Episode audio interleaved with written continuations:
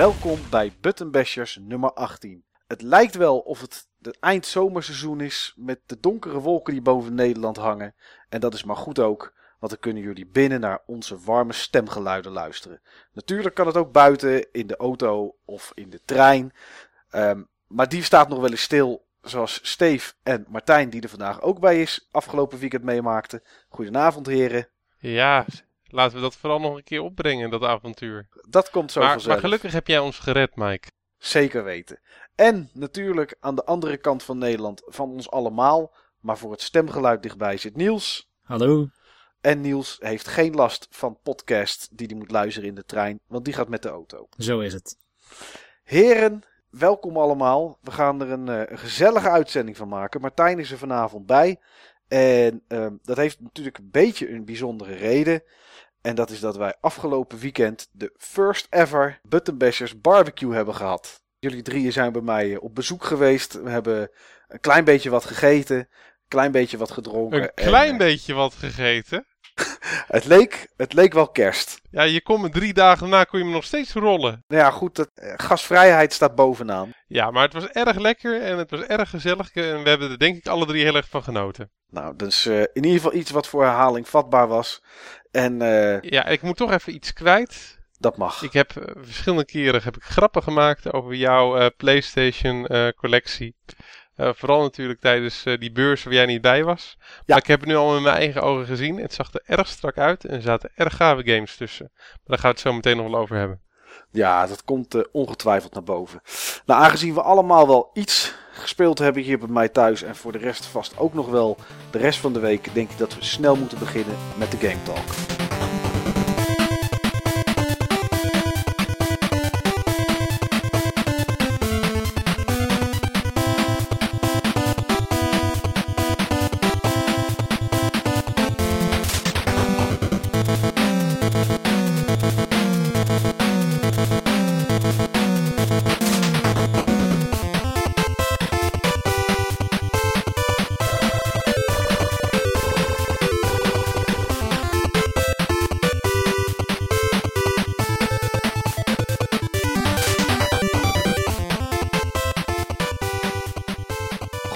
Afgelopen week. Ja, ik weet natuurlijk gedeeltelijk wat jullie allemaal gespeeld hebben. Want dat heb ik eh, met eigen ogen gezien.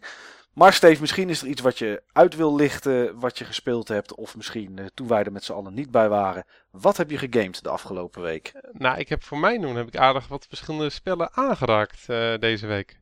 En eigenlijk was dat eh, voor het grootste gedeelte met eh, ja, steeds één van jullie of meerdere van jullie. Het, het allergrootste hoogtepunt, en ja, ik heb altijd geleerd, je moet eigenlijk niet met de climax beginnen, maar in dit geval is het gewoon zo'n hoogtepunt, dat kan ik gewoon niet verder uitstellen. Daar ben ik overigens nooit heel erg goed in geweest. Maar eh, om met dit hoogtepunt eh, te beginnen, ja, dat was gewoon om met jou Animal Crossing eh, te spelen en spulletjes te ruilen en in jouw dorp te kijken en om jou in mijn dorp te laten kijken. Ja, dat. ja. Ja. ik heb er Ja. ook. Ik, heb, ik vond het enorm, enorm leuk. Moet ik echt eerlijk toegeven. We hebben eh, toch eh, samen met Niels. Ja, een beetje als een soort drie kleine meisjes die in elkaars poppenhuis kijken, zaten wij in de tuin. Zo was het wel ongeveer, ja. En, maar ik, ja. Ja. ik, ik heb er Met hoop Martijn erbij om de boel vast te leggen en op Facebook te delen. Waar Ja. we zeer erkentelijk voor zijn. Ja, nee, dat klopt. Maar eh, dat. en wat vond je er precies? wat was hetgeen dat je er leuk aan vond, Steve? Want dat is dan ook wel even fijn om te vertellen. Ja, wat, wat vond ik daar leuk aan? Ja, gewoon om te zien van hoe jij dingen anders gedaan had dan dat ik het eh, gedaan eh, heb. Ja, nou, het is wel grappig inderdaad om te zien waar sommige mensen prioriteit eh, leggen. Jullie spelen natuurlijk al iets langer dan dat ik dat doe. Maar jij hebt een huis, daar moet ik geloof ik nog 600 maanden voor sparen. En, en ja, goed, Niels had dan wat meer van die publieke dingen die die, eh, die die gebouwd had. En ik probeer het om en om te doen. Dus het is wel leuk om te zien hoe dat bij iedereen zich zo vormt. En ik Ja. vind het wel grappig om te zien dat iedereen toch andere inwoners heeft. Ja, het is ook gewoon heel leuk dat heel veel dingen random eh, zijn. Maar dat is ook gewoon de charme van het spel. De, de ervaring is voor niemand gelijk. Nee, klopt. Want ik had volgens mij een eend rondlopen en eh Freckles. En jij hoopte eigenlijk Ik dat je vind die eh, eend helemaal geweldig. Ja, ja Freckles is, eh, is een leuk Ik heb nu toevallig eh, als tiende bewoner een zagrijnige kangoeroe eh, gekregen. Dus die moet ook gewoon zo snel mogelijk weg.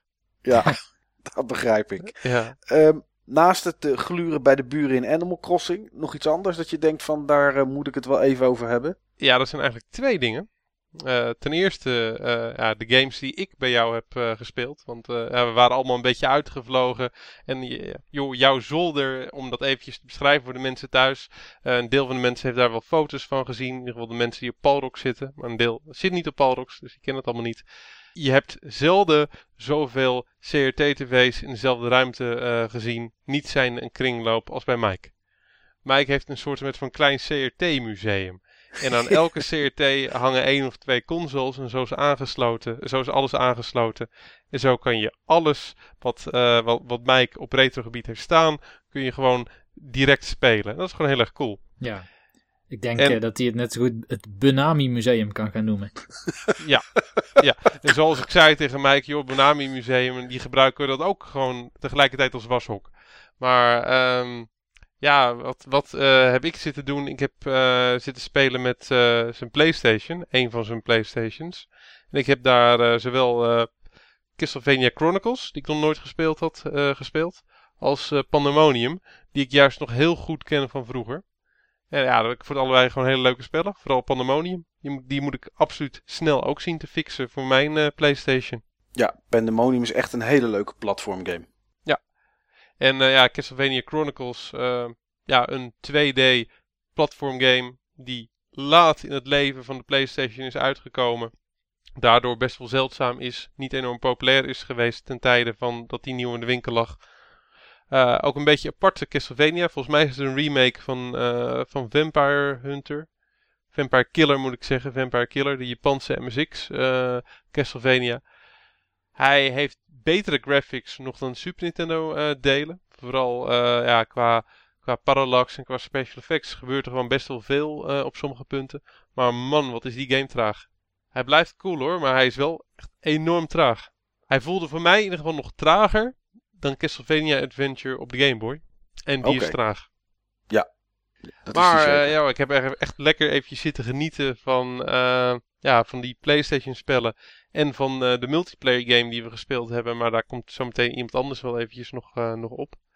En ja, ja daarnaast Martijn die woont wat verder weg dan, ja, dan ik. En die kon niet meer thuiskomen. Die heeft toen bij mij gecrashed. En vervolgens hebben we zeg maar, de ochtend daarna hebben we nog allemaal PC Engine en TurboGrafx games zitten spelen. En daarbij heb ik eigenlijk weinig zitten spelen en meer zitten kijken. Dus dan mag Martijn dat zo meteen vertellen. Maar het is in ieder geval een van de spellen die ik zelf ook heb gespeeld.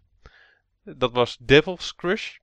Een uh, pinball game die ook op de Mega Drive uh, verkrijgbaar is onder de naam Dragon's Fury. Geweldige game. Ik wist niet dat die zo gaaf uh, was.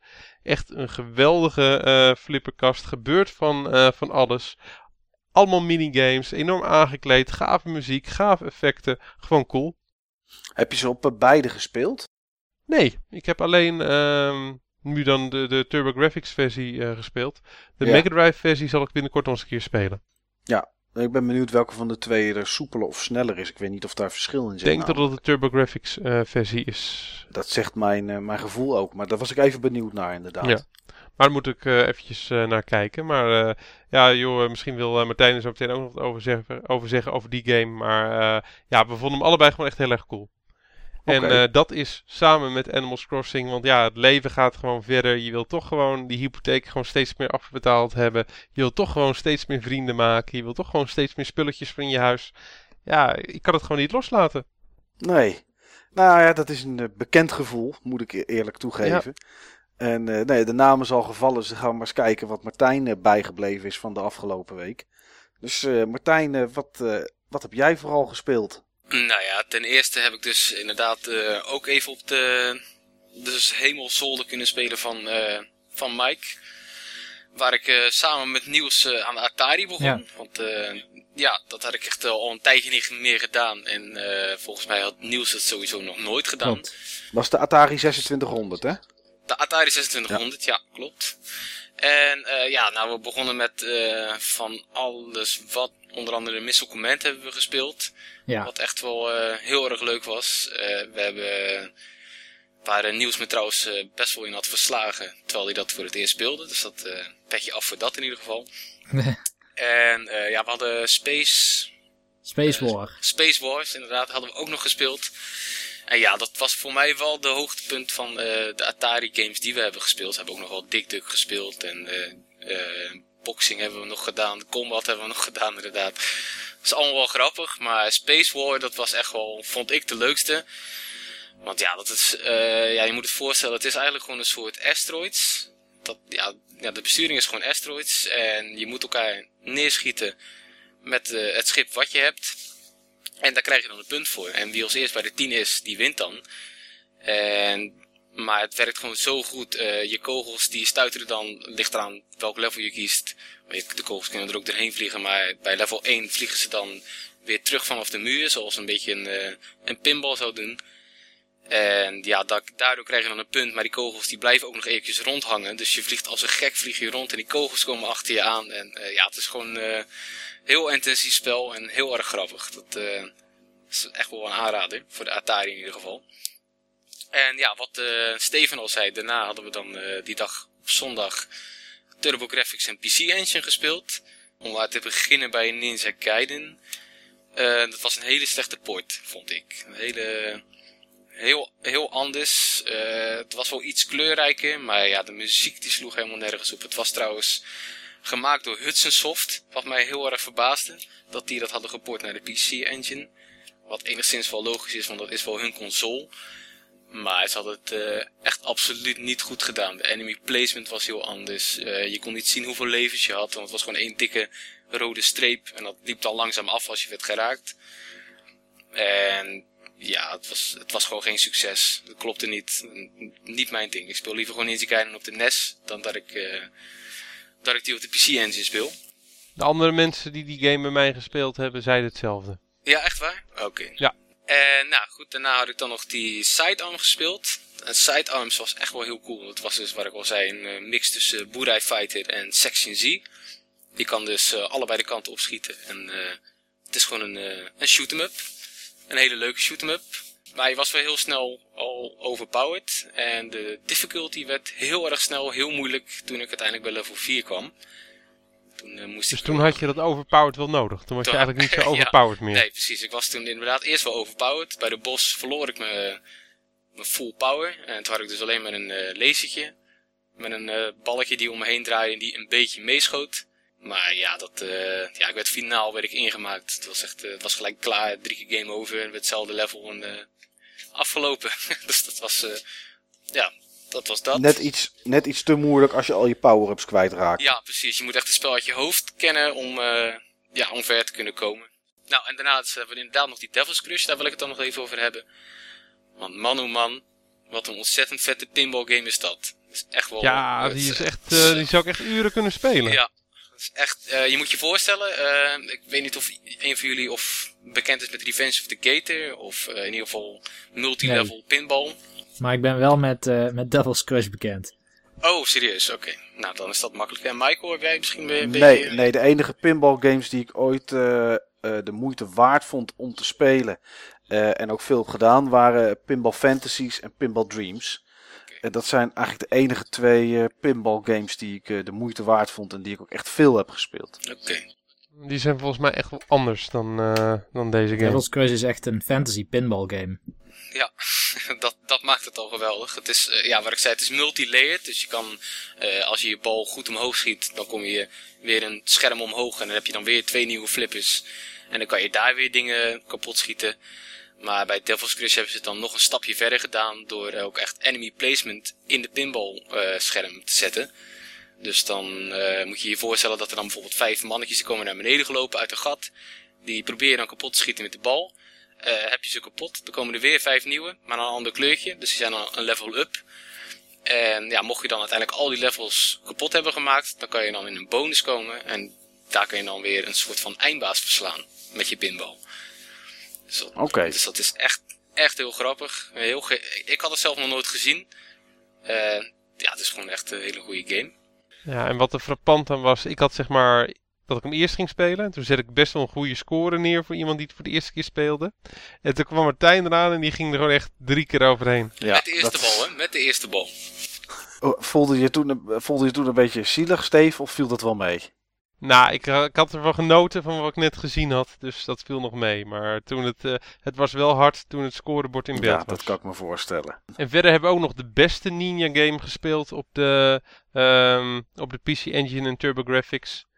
Ninja ja, Spirit. die was ook wel, uh, die was ook wel leuk. Je moest wel een beetje aan wennen. Het is een langzaam lopende uh, Ninja Gaiden 2-achtig ninja spel. Wat ook een beetje wat weg had van... Shinobi. Shinobi. Ja. Oké. En uh, wat, wat, wat zijn de unieke dingen aan de gameplay? Er zit vast wel iets bijzonders in, denk ik. Ja, sowieso. Uh, je hebt dus een zwaard en die kan je dan upgraden tot volgens mij drie keer dat je dan uh, slaat. En dan heb je een soort van, uh, ja, noem je dat? Een soort van boog? Die, ja, een boog, ja. Met, met een soort blauwe ballen. Dat is dan alles wat er in principe tegenaan komt, dat gaat gewoon kapot. Okay. Behalve de bosses. En ja, dan heb je dus twee schaduwen erachter, die krijgen dat dan ook. Dus dan heb je dus, uh, ja, die kan, je kan ook alle kanten op slaan. Dat is ook wel heel belangrijk. Je kan naar beneden slaan, rechts, naar boven. En enemies komen ook van beneden, rechts en boven. Dus dat heb je ook zeker nodig. Maar het enige nadeel vond ik wel, de bazen, die maken je gewoon in one-hit kill dood. En je hebt wel vijf health points, maar dat is alleen voor projectiles. Dus als je een shuriken op je ass krijgt, dan is het uh, één hitpoint eraf. Maar als een baas tegen je aanspringt, dan is het gewoon afgelopen. Dus Oké. Okay. Dat, uh, maakt ja, je moet die patronen en enemy, enemy placement moet je gewoon echt kennen. Ja, dat is zo'n game is het wel. Dus dat zijn mijn, uh, mijn games voor deze week. Niels. Ja, um, ik kwam natuurlijk naar de barbecue met een stapel bordspellen. Ik dacht, ja. ik ga jullie allemaal overtuigen dat bordspellen... Ja, is goed gelukt. Ja. ik had een tas bij me, ik zal het even vertellen. Ik had een aantal spellen bij me. Ik had um, een van mijn favoriete spellen ooit uh, Battlestar Galactica meegenomen. Met alle add-ons. Ik denk dat dat misschien de fout is geweest. Dat die meteen met een soort van afschuw bekeken werd. Oh, dat zijn wel heel veel dozen, Niels. Uh, laten we daar maar niet aan beginnen. Ik had uh, Space Alert meegenomen. Een spel met enorm veel tijdsdruk. Ik dacht van ja, als we deze gaan spelen, dan, dan maken mensen hier iets mee wat heel bijzonder is. Het is een spel met extreem veel stress en veel humor. Uh, ik had de Resistance meegenomen, een soort klein spelletje, mochten we heel weinig tijd hebben. En ik had uh, Gears of War, de boardgame, meegenomen. Um, meer omdat Gears of War een universum heeft waar iedereen al mee bekend was. En ik dacht, misschien is dit wel een leuke game om te laten zien hoe die vertaling van videogame naar boardgame gaat. Nou, men koos unaniem voor Gears of War. Tot mijn verbazing, moet ik zeggen. En, nou, niet die uh, van mij hoor, want dat is toch wel de bekende titel. Dat is het juist eh, wat je net zei, gewoon een uh, universum wat iedereen kent. Een, uh, een game die iedereen gespeeld heeft. Ja, ik probeerde jullie in mijn uitleg te manipuleren. Maar ja, dat heeft niet gewerkt. Ja, het iets beter manipuleren, Niels. Ja. Laat ik het zo zeggen, toen je zei dat, wat het tijdsduur was van die Battlestar Galactica games. Toen denk ik dat we al gemanipuleerd genoeg waren. ja, want die kon wel eens 7 tot 8 uur duren, een potje, zei Niels. Met een beetje pech. Ja, nou ja, en uh, pech hebben we gezien, daar, uh, daar, zijn wij, uh, daar zijn wij goed in, in het hebben van nee, pech joh, Nee joh, het was geen pech, het was gewoon pure domheid. nou, nou goed, Niels, vertel verder. Laat, laat, wie gaat dat vertellen? nou, Niels natuurlijk. Niels, die... want, ja, Niels, het is Niels' game, het is Niels' stuk. Ja, nou haak maar in, want ik stond natuurlijk aan de verkeerde kant van het hek. Um, ik zette het spel op en ik denk dat de opzet heeft een kwartier, twintig minuten geduurd. Ik moest er eventjes uh, een paar regels opnieuw lezen en er zijn veel componenten bij, dus dat neemt wat tijd in beslag. Ik had de game zo goed en zo kwaad als het kan uitgelegd. En uh, de eerste beurt voor, was... Voor mijn gevoel waren we na een half uur, 40 minuten verder. Ja, maar... Dat... maar het, was, het was waarschijnlijk korter. Het was waarschijnlijk iets korter. Maar uh, Michael zou als eerste beginnen hij deed een, eh, een vrij tricky move. Um, Gears of War is net als in het computerspel een, uh, een vrij tactisch spel. Waarin je gebruik moet maken van je omgeving en, en niet te veel risico moet nemen. Michael dacht, nou laat ik uh, hier eens wat risico nemen. Het is per slot van rekening level 1 en we spelen op de gemakkelijkste stand. En uh, wat kan mij gebeuren in de eerste beurt? Ik um, persoonlijk dacht ik niks. Je dacht niks? Ja, dat mij niks, dat mij niks kon gebeuren, dat dacht ik. Maar inderdaad, ja, dat ging mis. Wat, wat ik dacht om te doen was, we stonden met vier spelers in één hokje, in één area. En in, het, in de area tegenover ons stonden drie tegenstanders. Ik denk, nou, dat zal niet zo lang duren. En ik zette daarom een kaart in die één aanval mogelijk maakte. En daarna waarmee je een stukje kon lopen. En dat was ja, de gamekiller om het maar uh, zo te noemen. Want dat heb ik gedaan. Ik heb, maar, ik heb aangevallen. Niets, niets kapot geschoten. Helaas wel wat damage gedaan. En toen ben ik in mijn eentje een hoekje omgegaan. Uh, waar in de beurt daarna Steve gezellig bij mij kwam staan. Maar toen werden oh, ik wij. Ik moest hem toch gaan beschermen. Ja, dacht Steve. Alleen toen werden wij met z'n tweeën aangevallen door vier tegenstanders van zowel voor als achter. En toen lag ik uh, in, uh, in de eerste beurt samen met Steve al uh, ja, dood te bloeden op de grond. En toen was eigenlijk het spel al beslist. Ja, nou we hadden nog een kleine kans.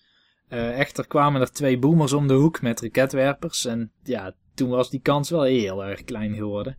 De aantal volgende beurten, hebben Martijn en ik geprobeerd om elkaar te healen en de anderen. En dat mislukte steeds, omdat er tussen twee boomers met raketwerpers constant op ons zaten te schieten. En dus iedereen de hele tijd af was. Dus ja, eigenlijk was uh, het na de, laten we zeggen, 20 minuten opzettijd, hebben we ongeveer wow, 3, 4 minuten gespeeld. En toen konden we weer opruimen. Ja, toen had ik het uh, verpest. Maar ik heb dat met veel plezier gedaan. En ik zou heel eerlijk, heel eerlijk zeggen dat ik na die tijd er nog wel over na heb gedacht. En uh, toen we klaar waren met spelen, of zoiets van, nou goed, één keer gespeeld, weet je, nooit meer. Maar toch zou ik het nog wel een keer opnieuw willen spelen. Wie weet, wie weet. Nou, hetzelfde geldt voor mij. Ik was uh, ook niet overtuigd.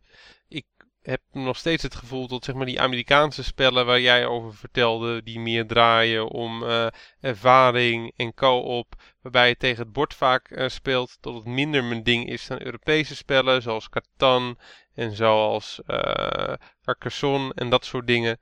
Maar ik wil het best nog wel een keer een kans geven. Tot nu toe heb ik wel het gevoel dat dingen als Carcassonne, Hotel, uh, Catan gewoon veel meer mijn ding is. Ja, als dat je tegen de mensen aan tafel speelt in plaats van met. Ja.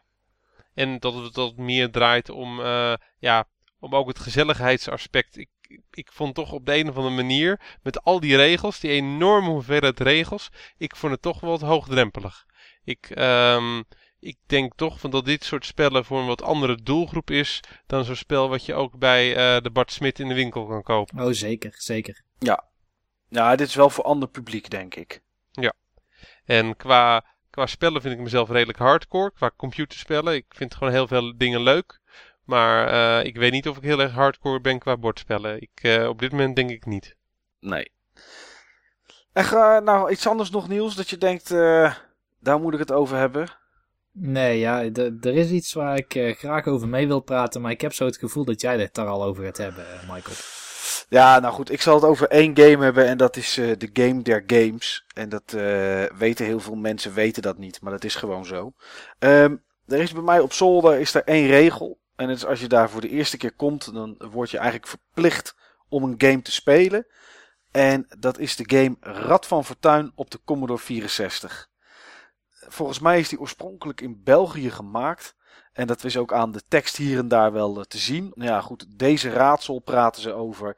En uh, er staan wat vreemde woorden in. Maar het is uh, misschien wel een van de meest lelijke versies van, uh, van het Rad van Fortuin. Wat in Amerika natuurlijk gewoon Wheel of Fortune heet. En ja, goed, dat, dat moest gespeeld worden. Uh, dat kan echter alleen maar met drie personen. Dus ik ben zo vrij geweest om uh, dat Niels, Martijn en Steve te laten spelen. En ik heb een soort Hans van de Tocht gedaan. Waarbij ik aan het rad draaide voor de, voor de heren en de letters invulde. En uiteindelijk ging, ging Niels met de auto naar huis. Als ik het goed, goed onthouden heb. Jazeker van zo'n slordige 11.500 gulden. En dat, uh, ja goed, het is, het is natuurlijk uh, het is een verschrikkelijke game aan de ene kant. Maar als je het met z'n allen speelt, is het leuk om te doen. En dat, uh, nou ja, dat hebben we even gedaan. En dat heeft toch voor even wat plezier. ik vond het plezier. helemaal geen verschrikkelijke game. ik, nee. ik vond het ook leuk. Ik vond het gewoon een, het is gewoon een leuk ja, woordspel game. Oké. Okay. Iedereen kent de regels. Iedereen heeft dat programma wel eens gezien. Ja, nou ja, goed. Ja, ik, uh, als je dit. Ik vond hem hartstikke sterk. Ja, ik denk dat ik hem op uh, Awesome Games dan Quick 2014 ga speedrunnen. Nou, ik denk dat dat, uh, dat, dat zeker moet kunnen. nou goed, ik ben blij dat jullie het in ieder geval niet verschrikkelijk vonden. Voor mij was het een hel om in te laden, alleen al om de game gestart te krijgen. Volgens mij was de diskette niet helemaal lekker meer. Dus ik denk dat ik daar binnenkort even een extra kopie van maak. Want zoiets geweldigs mag natuurlijk niet verloren gaan. Ik stelde het wel op prijs dat jij um, de tijd bijhield. Omdat we natuurlijk een paar keer mee hadden gemaakt dat we niet op tijd hadden gekozen voor een klinker kopen of opnieuw aan het rad draaien. Dus jij uh, als host zet je, gaf je ook wat vaart aan het spel mee. Ja, ja er zat wel, wel tijdsdruk aan inderdaad. Nou ja, en voor de rest heb ik voor de rest nog wat gespeeld. Uh, Tales of Xillia heb ik gespeeld. Een hele andere koek dan alle retro die gespeeld is. Het is uh, de nieuwste uh, JRPG uit de, nou ja, uit de Tales-serie. Tales-serie is van, van Namco Bandai. Eigenlijk wat Final Fantasy is van Square, is de Tales-serie van, van hun. En nou ja, goed. Het zijn geen vervolggames. Behalve als er een tweetje achter staat. In 2014 komt Tales of Xillia 2. Dus dat is dan wel een vervolg. En het is een aardige RPG, moet ik zeggen. Alleen het mist iets. En het mist een beetje binding. Met, uh, met de karakters, met de wereld. Er zit, de game is gemaakt met behoorlijk wat techniek en kennis. Alleen met niet zo heel veel liefde, heb ik het gevoel. Bij een game waar het verhaal vooral uh, het hoofdrol speelt, is dat, is dat een beetje jammer. Dus het, uh, nou ja, goed, het krijgt uh, een 7,5 in de review. En ja, dat is, dat is waar het het mee moet doen. Het verhaal is vrij simpel. goed is onder invloed van kwaad. En het kwaad moet verslagen worden. En nou ja, dat gaan een stel figuren gaan dat doen. Niet echt noemenswaardig, tenzij je echt heel erg van Japanse RPG's houdt. Heb je eigenlijk meerdere Tales games gespeeld? Ik heb Tales of Graces F heb ik een stuk gespeeld.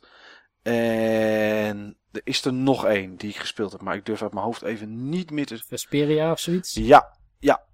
Die heb ik ook even, heb ik even gespeeld. Daar vond ik wel iets meer met de karakters in zitten. Maar ja, op een of andere manier uh, trokken de karakters me niet. En ja, daar zit je toch de hele tijd tegenaan te kijken. En dan, uh, ja, dan is het nou, minder leuk om te spelen. Goed, gaan we door naar het uh, hoofdonderwerp van vandaag. En het hoofdonderwerp is uh, muziek in games. En dat kan natuurlijk niet toepasselijker beginnen dan met een muziekje.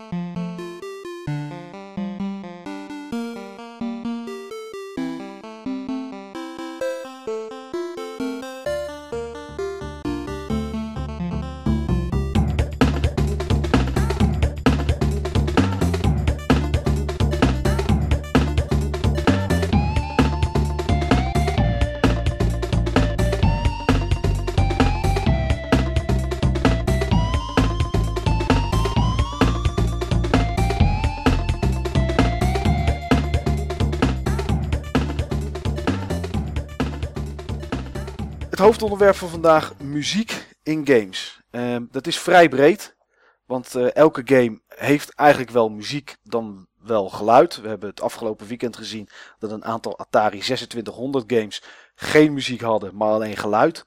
Maar daarna is dat eigenlijk nooit meer, uh, nooit meer voorgekomen, zover ik weet. Um, ik wil eigenlijk met een hele simpele vraag beginnen, die, die voor iedereen anders zal zijn en waar misschien het antwoord vrij uitgebreid op is. En ik begin bij jou, Steve. Ja. Zijn graphics in een game belangrijker dan de muziek? Kan er iets zijn dat er lelijk uitziet? En iedereen heeft natuurlijk uh, zijn eigen oordeel over wat lelijk is. Maar kan er voor jou iets lelijks uitzien, een game, maar toch cool zijn door de muziek of andersom? Wat is er voor jou belangrijker? Het zijn twee vragen. Klopt. Um, bij retro games is het zo dat een game uh, zeker voor mij uh, ja, cool kan zijn door de muziek. Bij nieuwe games ga ik ervan uit dat van allebei gewoon dik in orde uh, is. Uh, maar ja, soms heb je gewoon een retro game die heeft gewoon echt hele povere graphics. Maar daar is het gewoon de muziek gewoon echt uh, ja, zo catchy van. Zo goed gecomponeerd. Zo goed vertaald op zijn oud crappy 8 of 16 bit synthesizertje. Ja, tot het gewoon heel erg indrukwekkend is. En tot het gewoon heel erg blijft hangen. En ja, bij nieuwe games heb ik dat, dat minder. En, en wat was je tweede vraag ook alweer? Uh, nou, de eerste was welke zijn belangrijker? Zijn graphics belangrijker of is de muziek belangrijker? En dat heeft ermee te maken, hè, vertaald naar als iets lelijk is, maar de muziek is cool, of je het dan toch kan blijven spelen, of dat je het toch kan, genoeg kan waarderen, laat ik het zo zeggen. Bij oude games wel, en bij, bij nieuwe games ga ik er gewoon vanuit van dat allebei uh, goed in orde is. Kijk, nieuwe games die gaan ook veel meer om de ervaring. Ja. Uh, ervaring bepaalt ook gewoon gameplay. En uh, ja, een game zoals Skyrim, uh, daar word je gewoon ingetrokken. Enerzijds door uh, ja, de geweldige wereld, door de graphics van die wereld, maar ook door de muziek. Daar verwacht je gewoon ook epische muziek bij. Goede realistische sound effect, uh, ja, geluidseffecten. En ja, dat, dat gaat gewoon één op één samen. En als die nou tegenvallen? Als het geluid tegenvalt, valt dan de game gelijk ook tegen? Of kan je dat, kan je dat toch opzij zetten voor jezelf? Ja, meestal valt op het moment zelf het geluid niet zo tegen. Maar het is meer van dat je achteraf dat je gewoon niks meer weet van, uh, van die muziek. Ja. Dat het gewoon niet bijblijft. Maar ik heb tegenwoordig bij games zelden dat de muziek tegenvalt. Oké. En bij, bij oude games heb ik dat, uh, heb ik dat vaker. Dat je denkt, dat je bij oude games heb ik vaak ook denk van joh, uh, dit is briljant of dit is enorm kut. En bij nieuwe games valt het me vaak wat minder op. Oké. Hoe zit het bij jou, Niels? Wat is voor jou belangrijk? Zijn graphics belangrijker dan muziek? Uh, ja, zeker. Graphics zijn belangrijker dan muziek voor mij. Um, ik speel ook vaak zonder geluid. Helemaal zonder geluid? Helemaal zonder geluid, ja. Oh, dat maakt het ook makkelijk om die filmpjes te skippen, toch? Nee, uh, ik speel niet zonder geluid. Ik speel zonder geluid om uh, anderen niet lastig te vallen in de trein. Hij gaat, wel eens een, hij gaat nog eens een keer vertellen dat hij ook gewoon zeg maar, zijn contrast gewoon tot 5% uh, verlaagt. Ja, eigenlijk speelt hij gewoon ook. Hij speelt al zonder kleuren, want hij is ook kleurenblind. Ja. Maar ga verder, Niels, want ik onderbreek je. Muziek moet bij mij wel heel erg slecht zijn. Wil het afdoen van mijn uh, plezier aan een spel. Dus voor mij is het meer een gegeven dat het in orde is. En als het niet zo is, dan zet ik het uit. Dat is eigenlijk uh, hoe ik met muziek en games omga. Oké, als de muziek je dan zo irriteert dat je het uitzet, hè, zet je dan niet op de achtergrond je eigen muziek aan en zet je dan in de game de muziek uit, maar wel de geluidseffecten aan? Nee, nee, nee. Dan gaat gewoon alles op stil? Alles uit, ja. Oké. Hoe zit dat bij jou, Martijn? Nou, ik vind de muziek dus uh, wel heel belangrijk in uh, games. En uh, ja, als ik dus bijvoorbeeld muziek heb wat mij dus niet bevalt, zoals Bubble Bobble op de NES, dat vind ik echt het meest vreselijk irritante deuntje wat je maar kan krijgen in een hele game.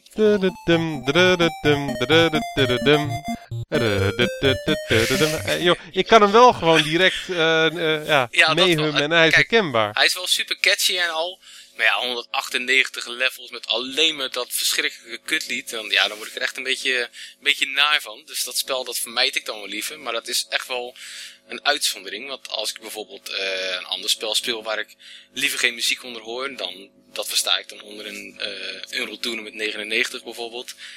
Daar heb je bijvoorbeeld, hebben ze eigen mappen gemaakt. En dan moet er dan per se muziek onder. Nou, dat zet ik dan gewoon uit. Maar dat wil ik niet horen. Want dan kan ik bijvoorbeeld iemand zijn voetstappen niet horen waar die vandaan komt. Dus Oké. Okay. Dat, uh, dat, dat is dan de voornaamste reden dat ik het zou uitzetten. Maar ja, precies. Ik, ja, maar uh, ja, met oude games, uh, ja, dan hoor ik heel graag goede muziek natuurlijk. En wat Steven al zei, met nieuwe games dan verwacht ik gewoon dat en de gameplay en de muziek gewoon goed samenspeelt met elkaar. Dat, dat is gewoon mijn verwachtingspatroon ondertussen al. Oké, okay. iets anders uh, nu we toch bij jou zijn, Martijn. Ja. En dan gaan we eventjes naar onze vrouwelijke kanten, jongens, uh, met, met games. Dan begin je met mij. Ja, okay. ja, ja, ja. Nee, nou, net zoals uh, Steve net met zijn hoogtepunt begon, denk ik ook dat we bij jou uh, op dit punt met het hoogte, hoogtepunt zitten. Uh, muziek is natuurlijk ook ergens emotie. Kan muziek je zo raken dat je er emotioneel van wordt in games? Nee, niet. Ja, het zou kunnen. Maar dan is het meer op lange termijn. Dus dan is het, uh, als ik het nummer teruggooi, dat ik dan eerder terugdenk aan die game die ik heb gespeeld. Oké, okay, dat, dat, het meer als herinnering werkt. Ja, precies. Dat heb ik bijvoorbeeld, uh, ja, weer toevallig terugkomend op Euro Tournament. Uh, daar heb ik het nummer van Ozzy Osbourne, Shot in the Dark. Nou, ik, ik hou helemaal niet van Ozzy Osbourne. Ik vind het helemaal geen, geen goede zanger. De band is nou ook niet echt uh, super. En een Zack Weld zit erin. Dat vind ik een arrogante kwal. Maar dat is wat anders. En ja, maar dan zat een nummer, dus dat nummer zat erin in een map die ik gewoon echt zo ontzettend vet vond. Ja. En daar heb ik dus dan wel de muziek aan laten staan. En als ik dat nummer dan teruggooi, ja, automatisch denk ik dan weer aan die goede oude tijd dat ik toen aan het gamen was. Met in een weekend om 1 uur s'nachts uh, een klемmatch tot en met 8 uur s ochtends. En ja, dat, dat brengt wel een bepaalde emotie omhoog. Ja, dat zeker. Oké. Okay. Uh, Niels, heb jij dat wel eens, uh, wel eens gehad met muziek die emotie teweeg bracht? Als ik emotie heel breed trek, dan wel. Uh, dat mag. Dus, dus het kan ook zeg maar agressief, ik noem maar wat. Of heel rustig. Ehm, een recent voorbeeld is als je s'nachts of s avonds Animal Crossing speelt, zit er hele relaxte muziek onder. Dus daar word ik zelf ook heel relaxed van. En ik kan me nog herinneren de eerste keer dat ik, ik geloof Final Fantasy 4, 3 of 4, ik weet niet meer, uh, 3 was het. Um, daar zitten twee uh, werelden in, twee overworlds. En op een gegeven moment ga je van de ene naar de andere toe en dan hoor je voor de eerste keer Terra's Team. Het was ook een heel rustgevend uh, muziekje. Ik heb dat toen nog onthouden, ik heb nog opgeschreven. Muziekje tijdens Overworld, bla bla bla, zodat ik thuis op kon zoeken en, en het muziekje op YouTube kon gaan beluisteren. Ja, en um, uh, ik vind bijvoorbeeld ook bij Rayman Origins vind ik de muziek best wel goed dienst doen om mij echt op te jagen. Zodat ik klaar ben voor allerlei uh, uh, moeilijke time-based sprongen. Oké. Okay. Want ik dus denk dat... ja, ik, ik snap wat je bedoelt met je, met je vraag. dat de muziek je in een bepaalde sfeer kan brengen en dingen kan laten voelen. Maar wat ik interessanter vind, persoonlijk, is dat muziek jou conditioneert om je voor te bereiden op bepaalde situaties. Als er een eindbaas komt en de muziek wordt ineens dreigend, dan schiet jouw mindset over naar een soort van moment waarin je moet presteren. Ja, dan ga je rechtop zitten en dan eh, ga je er echt klaar voor zitten. Precies. Als ik een heel traag uh, Vivaldi-concert had onder Super Meat Boy, dan zou ik het spel misschien wel minder goed spelen dan dat er een vrij upbeat, snel deuntje onder zit. Ja, en dat is, dat is de ondersteunende muziek bij de gameplay die je op dat moment voor je hebt. Ja, precies, ja. Dus ik zie de muziek graag in die functie. Maar dat tel ik in sommige gevallen ook wel onder emotie. Nou, uiteraard. Het is, het is maar net hoe je, hoe je het woord emotie natuurlijk, natuurlijk op wil pakken. Ja. Oh, uh, ik wil trouwens wel nog uh, even terugkomen erop. Uh, bij Spirit Temple bijvoorbeeld, van Ocarina of Time. Daar heb ik wel een bepaalde emotie bij. En dan is het wel echt is niet goed uit te leggen, maar als ik die hoor, dan heb ik wel, uh, ja, misschien mijn feminine side komt dan wel daarboven, wat je uh, graag wilde horen, zeg maar. Uiteraard. Ja, en dat had ik dus ook bij Skyrim, bij uh, enkele, enkele orchestrale stukken die voorbij kwamen, dat ik dacht van zo, dat, dat raakt me wel, zeg maar. Dat geeft me wel echt een goede atmosfeer voor die game. Dus ja. Dat, die wil ik nog even meegeven. Nou, dat mag altijd. Steve? Ja, absoluut. Ik... Ja, er is gewoon uh, best wel wat game muziek die me echt wel wat gedaan heeft. Uh, ja, met name gewoon muziek van RPG's. Eh, RPG's moeten het toch wel meer van het, van het verhaal hebben. Gebeuren vaak ja, grote events in. Gebeuren vaak ook persoonlijke dingen in. En ja, het wordt vaak ondersteund met muziek. net zoals films op die manier ondersteund worden met, met muziek. En ja, dan heb ik echt wel momenten dat je merkt van dat je heel erg opgezweept wordt door, uh, door iets. Dat, dat je het gevoel hebt dat er iets episch gaat gebeuren of dat je met iets episch bezig bent. Een grote bossfight of de, climax naar een bossfight toe. Of dat er iemand in je party is doodgegaan. En dan merk ik wel van dat muziek daar een belangrijke rol bij, uh, bij speelt. Maar doet het je dan ook echt iets? Ja, ja, ja zeker, zeker. Ik weet nog wel bij, bij Secret of Mana op, op, op de SNES uh, verlies je op het eind een van je party members. En dat werd ook met uh, ja, het thema van Secret of Mana, wat weer helemaal terugkwam. Wat echt gewoon heel droevig werd, werd gespeeld. En toen vervolgens overliep in een, in een eindthema, wat je volgens mij alleen aan het eind hoorde.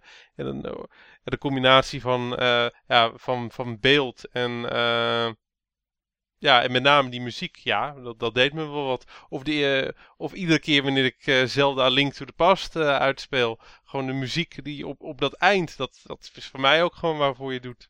Oké. En wat, wat Niels zei, gewoon de functionele ondersteuning van, van opgejaagd worden. Ja, voor mij is de game die dat het beste doet, nog steeds Super Mario Bros. Uh, op het moment dat je uh, zeg maar weinig tijd over hebt, dat die muziek dan gaat uh, versnellen. ja, dat werkt gewoon echt heel goed. Of het, het thema wat je in, in de kastelen hebt. steeds zeg maar wereld, wereld 1-4, wereld 2-4, et cetera. Ja, dat, dat is ook gewoon iets wat je echt goed opjaagt. En wat je een beetje zenuwachtig maakt, een beetje neurotisch. Ja, het doet zijn werk gewoon echt heel goed. Dat vind ik ook een mooi voorbeeld van hoe sterk muziek kan, kan zijn. Iedereen kent die thema's van, van Super Mario Bros. Ook gewoon mensen die die game al geen 20 jaar gespeeld hebben, die herkennen nog steeds die muziek. En als je kijkt naar de hedendaagse Mario's, ook de 3D Mario's, lijkt er qua graphics echt totaal niet meer op uh, die echte oer-Mario's. Maar die muziek, die thema's, die is nog zo goed bewaard gebleven. Die is nu tegenwoordig helemaal doorgecomponeerd. Maar het is nog steeds dezelfde basiscompositie die bewaard gebleven is. dat geeft gewoon wel aan hoe tijdloos uh, dat, uh, dat is. Dat heb je bij Mario, dat heb je bij Zelda, dat heb je ook bij Metroid heel erg. Metroid is ook gewoon een NES-game die ik echt heel erg indrukwekkend vind uh, qua muziek. En juist minder qua graphics qua graphics is het eigenlijk heel weinig te zien. Een hele donkere wereld. En ja, het is echt gewoon die muziek die je in die game uh, uh, ja, sleurt. Nou, je had het zelf nu net al Steven over dat iedereen de muziek van Mario, dat hij die wel herkent. Um, blijf ik gelijk bij jou. Onthoud jij muziek die je in games hoort? ik zelf heb dat niet. Je kan mij game muziek laten horen van een game die ik misschien heel vaak gespeeld heb. Uitzonderingen daar gelaten, misschien een stuk of vijf, zes. Maar voor de rest herken ik de muziek wel, maar ik kan het vrijwel nooit koppelen aan een game. Nou, ik heb het dus, ik heb het dus allebei. Ik onthoud het wel. Uh, het blijft bij. Dat zijn met name gewoon die oude muziek, die 8-bit, 16-bit uh, muziek. Ik heb ooit, ik heb echt gewoon jaren, heb ik een bepaald riedeltje in mijn hoofd uh, gehad.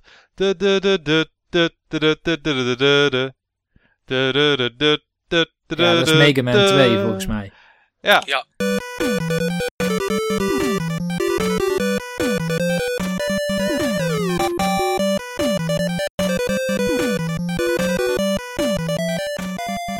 ik, heb, ik, heb, ik had gewoon altijd, soms kwam het gewoon terug, kwam het gewoon, kwam het gewoon echt op, soms echt in, op de meest rare momenten. En uh, ik dacht altijd dat het van reclame was, maar ik ging dan zeg maar een paar jaar geleden, toen ik zeg maar weer into dat retro verzamelen raakte, ging ik Mega Man 2 uh, eh, spelen op mijn, op mijn NES. En het kwam gewoon daaruit. Dus uh, altijd gewoon bijgebleven, maar gewoon net als jou die link niet kunnen leggen. Nee, het is, je herkent het wel, maar waar het nou precies ja. bij hoort. Ja, maar ook gewoon heel veel dingen die me ook gewoon wel ja, bijblijven. En die, gewoon, die ik gewoon soms op de raarste momenten uh, ja, in mijn hoofd uh, heb. Bij bepaalde zonsondergangen of zonsopgangen krijg ik altijd muziek van Rygar in mijn hoofd. Oké. Van het stuk van dat je daar zeg maar ten, ja, langs een, parallax scrollende zonsondergang loopt. Uh, met echt hele mooie muziek. En ik heb wel die game gewoon zo vaak gespeeld. En de muziek is me altijd ook bijgebleven. En de graphics vind ik juist helemaal niet zo vreselijk goed van, uh, van Rygar. Wel sfeervol, maar niet heel erg goed. Maar die muziek, jongen, ah, geweldig. Dus dan kom ik direct weer terug op jouw eerste vraag. Van, ja. Uh, bij die oude games uh, is het vreemd genoeg juist altijd muziek die me bijblijft. Oké. En jij, Martijn, als jij, een, als jij ergens een muziekje hoort uit de NES-periode, weet je dan gelijk welke game het is? Uh, nee, niet bij alle. Ik zit meestal dan nog uh, wel een goede dag te piekeren van welk muziekje dat, dat nou vandaan kwam en wat het nou precies was. Maar ik onthoud wel uh, de muziekjes die ik luister, of die ik in ieder geval in een game hoor, die onthoud ik best vaak. Maar wat Steven ook al zei, bij de nieuwe games heb ik dat weer absoluut niet. Maar bij de oude games, ja, dan, ja die onthoud ik wel van, meestal. Zeker als ik een nou ja, Super Spy Hunter dan heb gespeeld. Ja. Nou ja, dan uh, ja, dat zit me nog zeker wel uh, een goede twee weken in mijn hoofd. Oké. Okay. Dan, zit ik, dan zit ik het echt gewoon rond te neurien. En zo heb ik ook nog bij Steven uh, Symphony of the Night even in zijn hoofd gestampt. Dan had ik dat in mijn hoofd zitten nog. En dat zit dan ook weer gelijk bij hem in zijn hoofd. Dus ja. ja, nee, dat, dat blijft bij mij wel best wel lang hangen.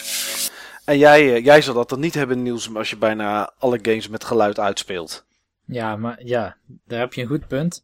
Maar als ik uh, de muziek met, of als ik de game met uh, geluid aan heb gespeeld, is de kans wel super groot dat ik het onthoud. Oké. Ik, ik, herken bijna altijd alle muziek. Tenminste van de oudere spellen. En ik denk dat dat komt omdat de oudere spellen melodieus meer ontwikkeld zijn dan de nieuwere. De nieuwere zijn toch vaak uh, meer op het, ja, het filmmodel gecomponeerd. Heel erg ter ondersteuning van wat je ziet, maar niet echt een ding wat je op zichzelf zou gaan luisteren. Tenminste voor veel games die we zien. Uh, luister maar eens bijvoorbeeld naar de Doom 3 OST. Daar zitten geen herkenbare elementen in. Geen, okay. thema, geen themaatjes, geen instrumentale thema's. En dat maakt het heel erg moeilijk om, om die muziek je voor de geest te halen. Terwijl die oude games van de NES en de SNES, ja, daar, uh, daar werkt je met zo weinig sporen. Nou ja, ik denk dat enkele Metroid-teams misschien nog redelijk ambient-achtig aandoen. Maar de meeste games hadden toch best wel een, uh, een up-tempo melodie waaraan je ze goed kan herkennen. Kan het ook zijn de, dat... De enige game met ambient muziek waarbij de muziek echt gewoon mij bijgebleven is, is de eerste game met, met dat soort muziek die ik ook echt uh, ja, ervaarde. Dat is de eerste Quake.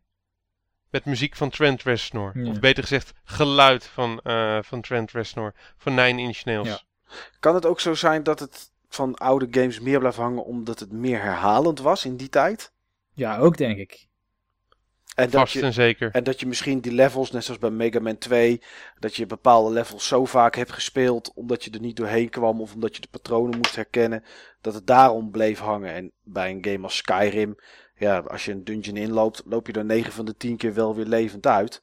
Uh, of een gebied. En dan ja, hoor je de muziek gewoon wat minder vaak. Nou, die nieuwe games, en vooral zo'n game als Skyrim die je noemt, die uh, proberen ook met opzet die seam te verbergen, zeg maar, die, uh, dat looping point. Omdat het van die evoluerende soundscapes zijn. En vroeger was het echt een liedje dat, uh, dat afloopt. Ja, en het kan mooi netjes aansluiten aan het begin of aan een stukje net na het begin. Maar je hoorde daar wel duidelijk die repetitie. En ik denk dat het ook daardoor inderdaad beter blijft hangen. Plus natuurlijk, de nieuwere games die zijn ook uh, ja, in de meeste gevallen ook wel al een heel stuk makkelijker gemaakt. Dus het is niet meer zoals dat je bij, uh, wat je zegt bij Mega Man 2 een bepaald level, zoals, uh, nou goed, ik kom er even niet, niet op één. Zeg bij Mega Man 1 Gutsman bijvoorbeeld, die probeerde een hele tijd. Ja, dan blijft het liedje hangen. Maar ja, als je nu een spel speelt, ja, je bent zo door het level heen. Uh, ja, wat voor muziek staat er eigenlijk? Ja, ik heb geen idee, maar ik hoor nou weer wat anders. Dus ja, nou, dan onthoud je het Echte goede epische games, die hebben vaak wel een centraal thema, wat in heel veel vormen op bepaalde plekken uh, ja, terugkomt. Of twee of drie van die, uh, van die thema's. En dan weet je wel, joh, er gaat nu iets gebeuren. Uh, ja, een mooi voor het beste voorbeeld daarvan vind ik gewoon nog Halo. Je hebt gewoon Team from Halo. Op het moment dat je dat in een Halo game ja, voorbij hoort, komen, dat het gewoon opstarten, weet je, nu wordt het gewoon fucking episch.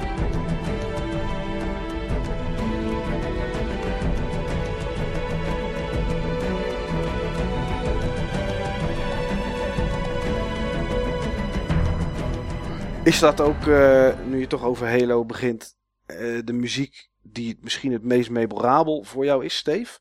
Of als ik vraag welk stukje muziek uit de games die je in je leven gespeeld hebt, is je het meest bijgebleven? Welk is het meest, meest memorabel? Qua, qua moderne games is dat Halo inderdaad, ja. Oké. Okay. Qua retro games is dat, denk ik, Mega Man 2. Oké. Okay. Niels, voor jou, de meest memorabele game muziek? Ja, je overvalt uh, ons allemaal denk ik nogal met deze vraag. Maar dan komt hij wel een mooie, mooi uit je hart. Ja, ik denk, ik ga denk ik voor de intro tune van Plok op de SNES.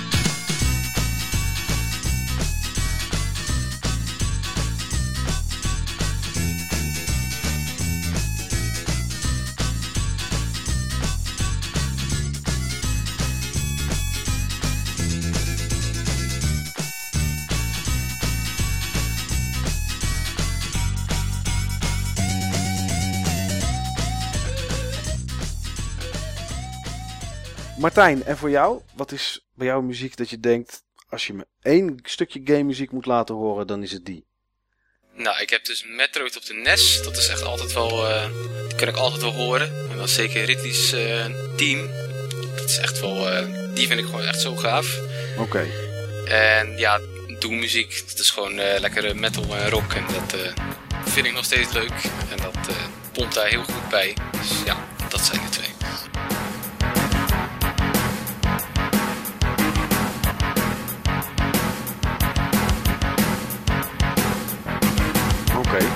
Uh, er is er eentje die ik gemist heb. En die ga, ik dan, die ga ik dan zelf noemen. Want dat is denk ik voor mij de meest memorabele muziek die ook goed bij het moment zelf paste. En dat is van José González. En het liedje heet Far Away. Het is uh, een liedje uit Red Dead Redemption. En dat is de muziek die afgespeeld wordt als je voor het eerst Mexico binnenrijdt. En voor iedereen die de game gespeeld heeft en in ieder geval in Mexico is gekomen, um, ja, die weet waar ik het over heb. En dat kan eigenlijk niet anders zijn dan dat je dat het mooiste vindt. Het is uh, een moment waarop je met je paard de grens overrijdt. Je rijdt door bergen heen, de zon gaat onder. Je weet dat je onderweg bent naar Mexico toe.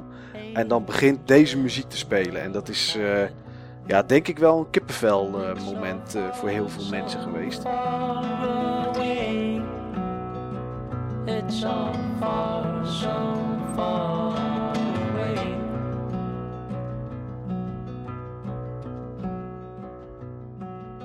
Als je, zegt, als je het echt over de meest memorabele muziek hebt, dan is dat, uh, is dat voor mij uh, dit lied uit Red Dead Redemption. Niels. Ja. Heb jij wel eens, of doe je dat wel eens, gewoon game muziek zo luisteren? Dat je inderdaad een soundtrack downloadt of koopt en dat je dat gewoon zo gaat zitten luisteren. Ja, vrij regelmatig zelfs. Oké, en is dat omdat de muziek dan goed is of omdat je het gemist hebt omdat het uitstond tijdens het spelen? dat is omdat de muziek dan goed is, ja. Oké, en wat, wat, wat voor soort muziek moeten we dan aan denken? Is dat echt muziek van de, van de NES of zijn het meer de soundtracks van tegenwoordig? Uh, het zijn bij mij vaak... Ik heb bijvoorbeeld een aantal OST's. Eentje van uh, Ace Attorney. De Phoenix Wright serie, zeg maar. Ja. Uh, en dat zijn de jazz arrangementen van die nummers. En dat is iets wat ik standaard op mijn iPod heb staan. Oké. Okay. Steve, heb jij standaard game muziek op je iPod staan? Helemaal niks. En dat is ook niet iets wat je trekt? Vind het wel eens leuk. Uh, joh, uh, een, van, uh, een van mijn vrienden heeft dat altijd continu in de auto aanstaan. Op het moment dat we zeg maar ja, gaan, gaan reizen ergens naartoe. En dat vind ik leuk. Maar ik, ehm, ik zoek dat zelf niet.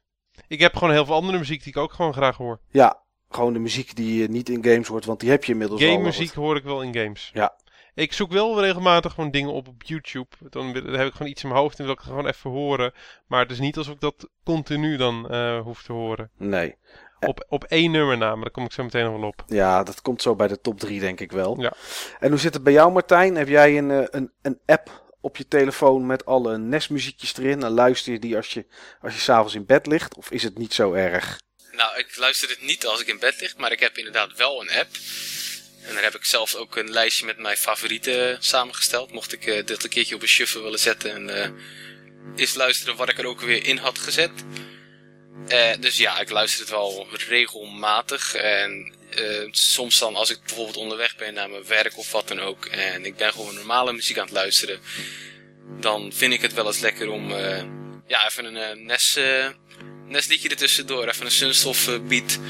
En dan zet ik hem weer uit en dan luister ik naar mijn eigen muziek eventjes een klassieketje tussendoor. Ja, ja dat, vind ik echt, dat vind ik leuk. Oké. Nou, uh, tot slot uh, gaan we dan eens eerst naar jou, Steve. Want ik denk dat jij hem wel redelijk paraat hebt. Zou ik wel uh, je top 3 van game muziek willen weten? Mijn top 3 aan game muziek. dat vind ik heel lastig, want er is gewoon echt veel game muziek die ik, ja, die ik echt heel erg gaaf vind en die me bijgebleven is. Vaak zijn het ook de oudere nummers.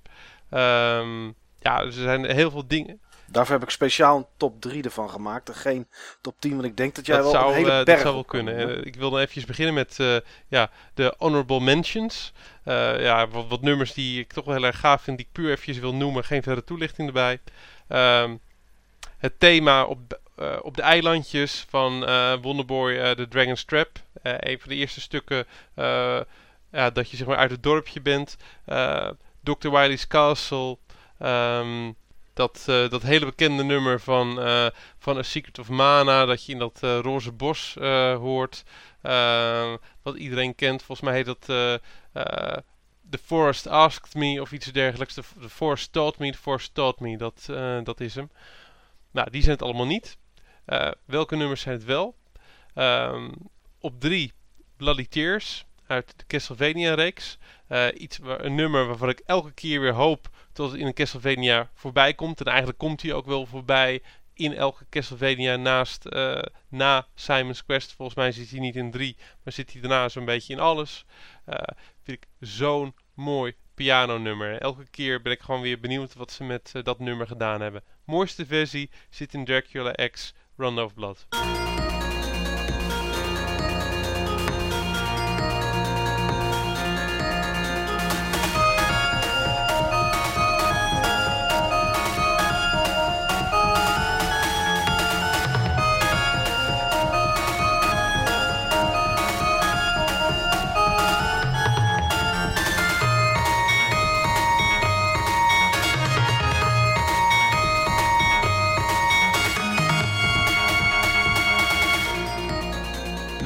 Uh, wat, wat staat voor mij op 2? Dat is een makkelijke. Dat is de, de Moon Team van, uh, van DuckTales.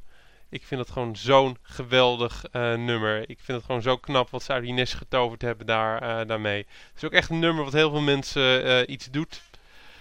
ik heb ook wel eens reacties gezien op YouTube van, van die bandjes die, die game muziek spelen. En op het moment dat ze zeg maar dat nummer gaan spelen, echt iedereen gaat, gaat al uit zijn dak.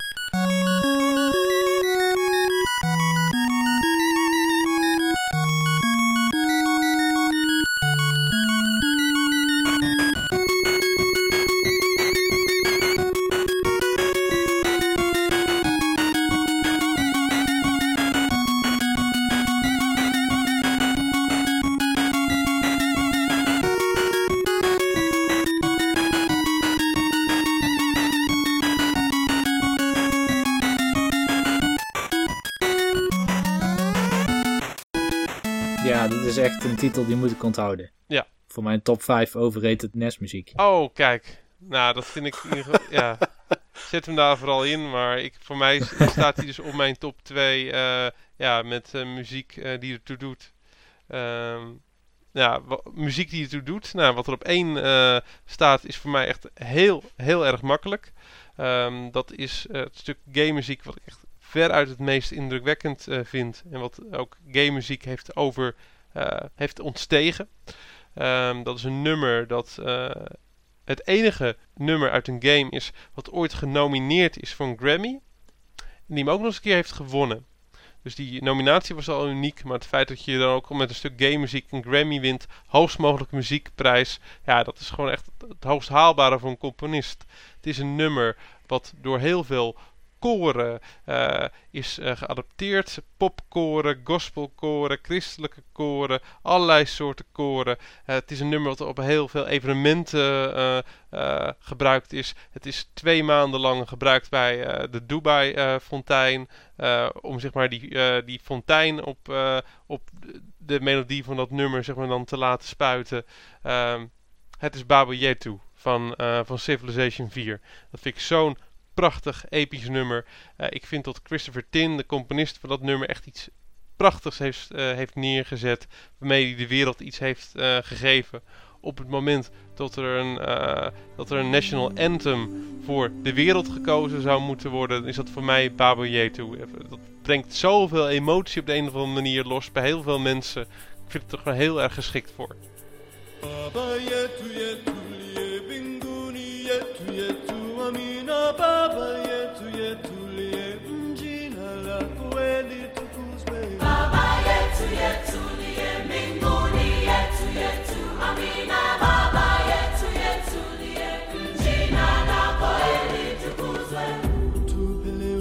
chetu, tunachohitaji utusamehe.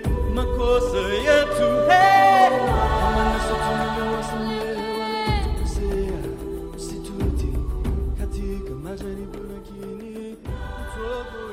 gaan we naar jou, Martijn. Oké. Nou, ik ga dan gewoon een klein beetje vals spelen. Want ik kan echt niet beslissen welke, wat mijn top 3 is uh, qua muziek uit games. Dus uh, ik ga het gewoon categoriseren in uh, een uitbrengers en een gameserie en gameserie. Dat is mijn top 3. En ja, op 3 heb ik dan wel staan Sunsoft van de NES.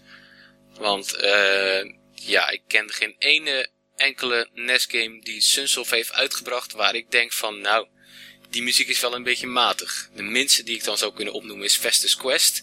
Daar hebben ze maar echt twee liedjes dat ik zeg van nou die zijn echt heel goed en de rest is een beetje, een beetje meh.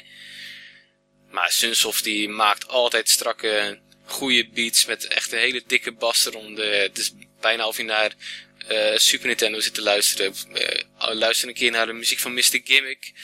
Het is gewoon echt bizar wat ze, wat ze uit een nest kunnen trekken zonder enkele extra chip of wat ze er ook in stoppen. Het is gewoon... Er zijn zoveel van, van hun die ze hebben uitgebracht. Ja, Super Spy Hunter hebben ze dan ook gedaan. Dat is ook hartstikke goede muziek. Dus het is gewoon... Uh, het is gewoon hartstikke goed, soft. Dus daarom op, op nummer 3.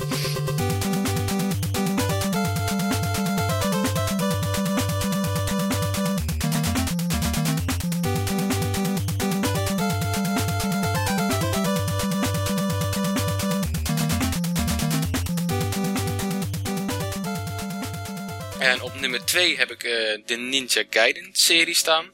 Want uh, Ninja Gaiden is, zijn mijn favoriete games sowieso al op de NES. En uh, ja, daardoor is de muziek dan voor mij al gelijk al beter. Omdat ik de game al heel erg leuk vind. En ja, het is gewoon heel complexe muziek. voor een NES ook. En het pompt er gewoon lekker in. Het is ook precies goed voor die game. Het brengt je helemaal tot, ja, tot die dat je helemaal altijd moet blijven opletten. Elke sprong is belangrijk en die muziek die past gewoon perfect onder. Dus dat vind ik gewoon echt heel mooi. Uh, voornamelijk Ninja Gaiden 2, dat is dan de net, de net iets uitstekende van de drie.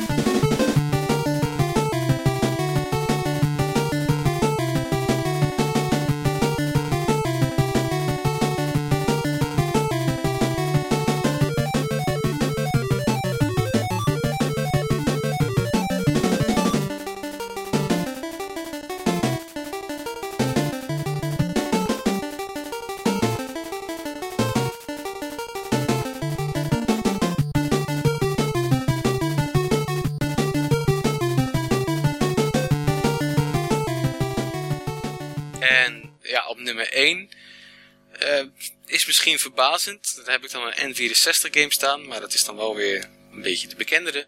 En dat is Ocarina of Time. Dat vind ik echt wel uh, de meest mooie, atmosferische, perfect passende muziek bij een game. Wat ik vind, wat tot nu toe is uitgebracht uh, voor een console. Gerudo Valley, fantastisch. En Spirit Temple, super mooi. Ik heb zelfs als ringtone heb ik de Forest Temple staan. ja, het is gewoon, uh, de, ja, elke tempel is gewoon hartstikke mooi. Zelfs de overworld klinkt cool. Ik hoor zo, als hij op begint. Nou, dat krijg ik gewoon nooit meer naar mijn hoofd. Het is gewoon echt, uh, echt heel mooi.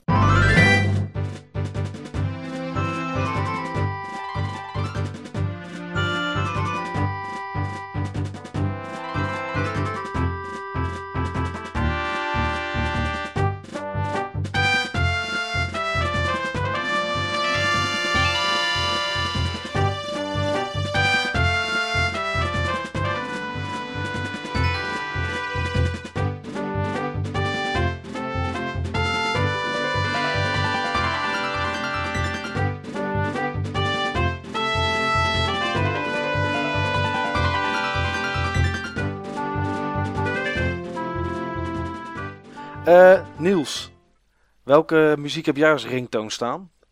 Uh, ik heb uh, Super Mario Bros. 2 level 1 als ringtoon. En zit die ook in jouw top 3? Ja, die heb ik dan maar op 1 gezet. Ik oh. vind het te moeilijk. Ik moet gewoon te lang nadenken over dit soort dingen. Want ik heb eigenlijk meerdere titels en ik heb ze gewoon maar samengevoegd. Als in drie soorten muziek die weliswaar in meerdere games voorkomen, maar die ik heel bijzonder vind. Nou, begin maar met, uh, met nummer 3 dan. De Song of the Ancients van het spel Nier. Samen met uh, de credits team van Xenoblade.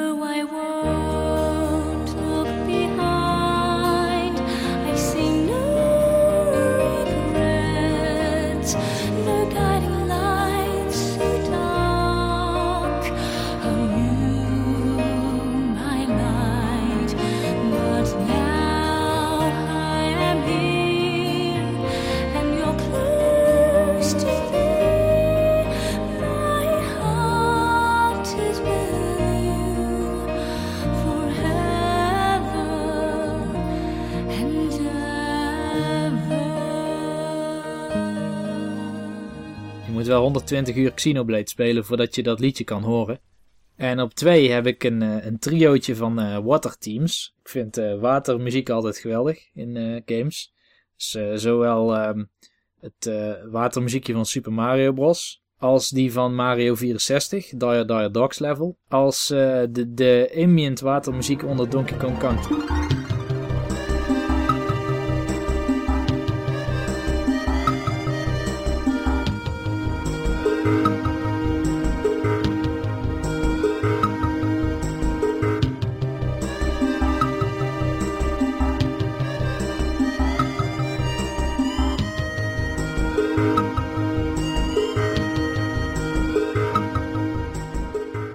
Ja, en dus uh, Super Mario Bros. 2 level 1 op uh, plaats 1. Oké, en daar niet een verzameling van, die staat toch echt gewoon op 1?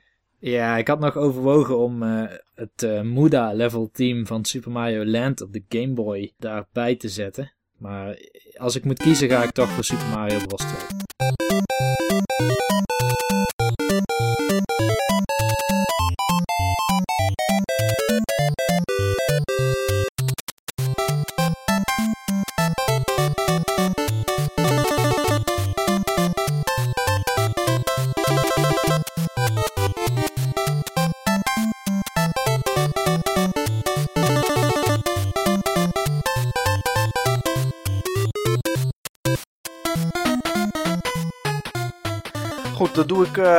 Mijn top 3 uh, eh, als laatste.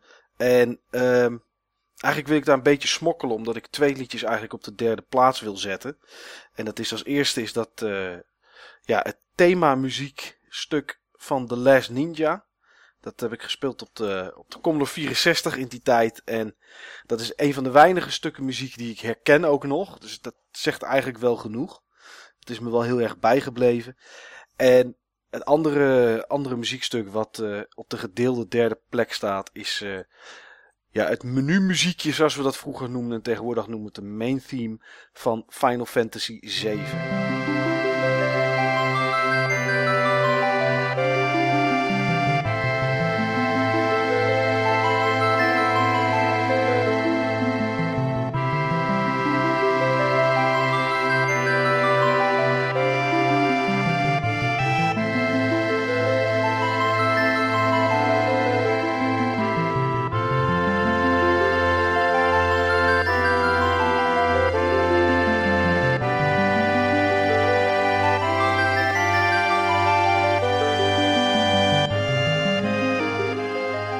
twee zet ik de muziek waar ik het straks over had, die ik eh, het meest memorabel vind. Het, eh, het nummer van Red Dead eh, Redemption. Als je, de, als je Mexico binnenrijdt, maar daar heb ik net al, net al genoeg over gezegd.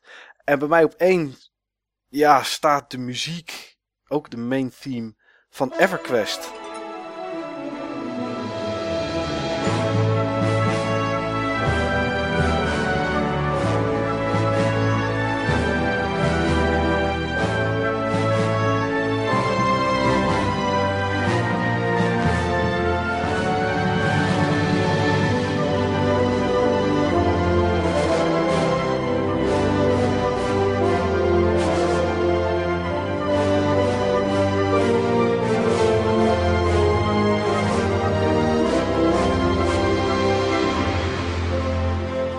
Dat was uh, de uitzending van deze week, uh, heren. Ja, een uitzending met een mening van iedereen, gelukkig, over muziek.